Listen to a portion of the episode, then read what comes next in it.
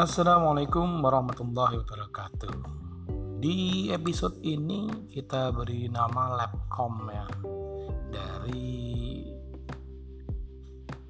uh, asal usul laboratorium komputer.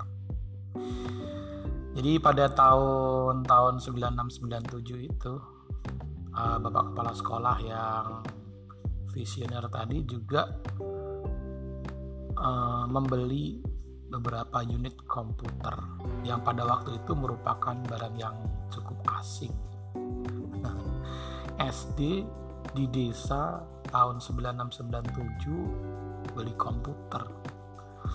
Saya masih ingat itu satu komputer bisa dikerubuti 4 sampai 5 anak ya. Jadi belinya nggak banyak waktu itu ya, mungkin sekitar 5 sampai 10 lah paling banyak itu dan komputernya ya komputer zaman itu ya komputer jadul gitu. Yang bodinya gede gitu. Tapi pada waktu itu jadi luar biasa sekali. Jadi anak-anak SD di sekolah ini jadi tahu komputer seperti ini. Kemudian uh, bapak kepala sekolah juga mengundang atau ya rekrut satu guru komputer ya untuk mengajari anak-anak ini bagaimana mengoperasikan komputer dan apa yang ada di dalamnya itu. Ada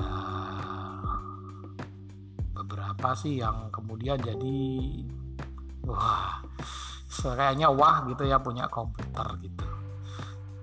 Nah di titik itulah berkembang juga akhirnya komputer ini menjadi salah satu andalan dari sekolah ini dan makin berkembang berkembang berkembang. Meskipun uh, ruangannya cuma ya di situ kemudian pindah pindah pindah.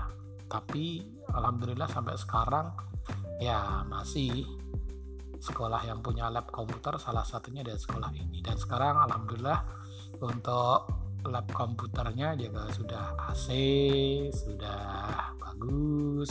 Komputernya juga untuk satu anak satu gitu. Tidak ada lagi dikeroyok untuk satu komputer dikeroyok beberapa anak.